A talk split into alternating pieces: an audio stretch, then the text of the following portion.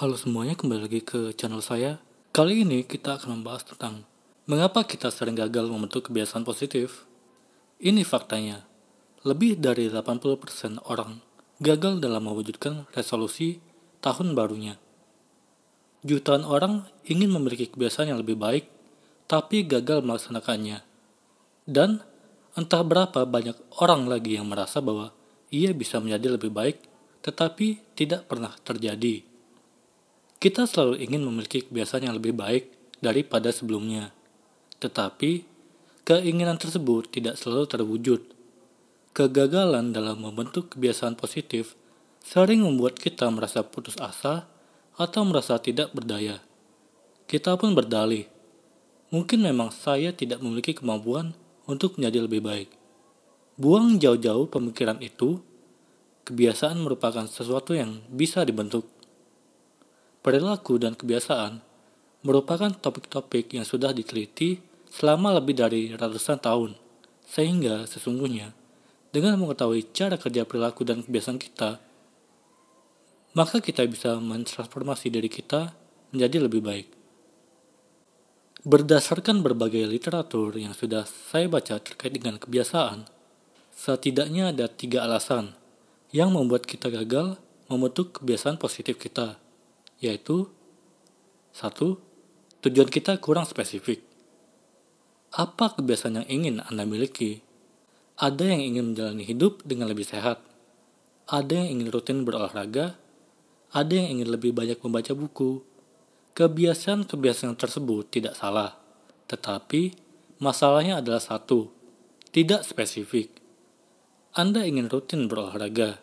Tetapi, berolahraga yang seperti apa? Berapa jam dalam sehari? Apa targetnya?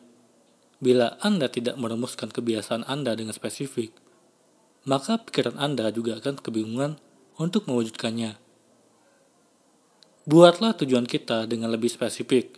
Daripada saya ingin rutin berolahraga, lebih baik ubah menjadi saya ingin rutin jogging di taman dan pergi ke gym setidaknya lima kali dalam seminggu setiap pulang kerja. Penuhi unsur what, where, when, dan how. Maka kita akan lebih jelas untuk mulai melakukan kebiasaan itu. Kita akan tahu bahwa untuk rutin berolahraga, kita harus jogging di taman dan pergi berolahraga ke gym. 2. Alasan Anda kurang kuat. Anda ingin berolahraga agar menjadi lebih sehat. Anda ingin rajin membaca buku agar lebih cerdas. Alasan tersebut juga baik adanya. Namun, Mengapa Anda masih gagal mewujudkannya? Memiliki alasan adalah hal yang wajib agar Anda bisa merealisasikan kebiasaan yang Anda inginkan. Namun, kadangkala kebiasaan tersebut gagal diwujudkan karena alasan yang kita miliki kurang kuat. Mengapa Anda ingin berolahraga? Agar lebih sehat sehingga tidak mudah kelelahan lagi ketika bekerja. Meski sudah spesifik, namun alasan tersebut masih kurang kuat. Itu bukanlah alasan yang sesungguhnya. Anda harus berani mengupas diri Anda lagi agar Anda bisa menemukan alasan yang sesungguhnya. Alasan yang kuat. Mengapa Anda ingin berolahraga? Agar tidak mudah kelelahan. Namun, alasan yang sesungguhnya adalah agar tidak mengecewakan alasan terus-menerus karena fisik yang terlalu lelah saat bekerja maka itu alasan yang sesungguhnya. Alasan yang berasal dari internal dan eksternal Anda.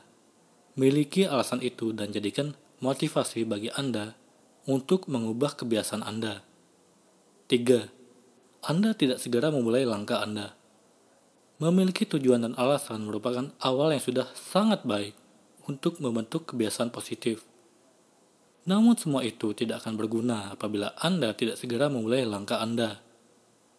Anda harus segera memulai langkah awal Anda hari ini juga. Segera. Apabila Anda ingin memulai kebiasaan berolahraga, maka lakukan secepatnya. Segera siapkan sepatu Anda dan langsung pergi jogging di taman pada sore hari ini. Atau segera lakukan push up sebanyak 10 set. Bila Anda ingin memulai kebiasaan membaca, maka segera pinjam buku di perpustakaan sore ini juga dan baca. Segera memulai langkah awal akan memberikan motivasi pada Anda.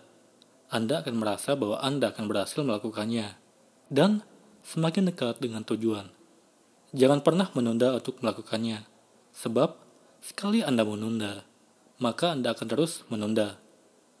Segera praktikkan tips yang tadi disebutkan.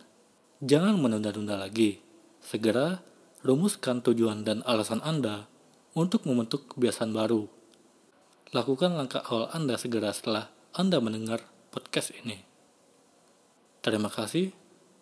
Sekian dari saya.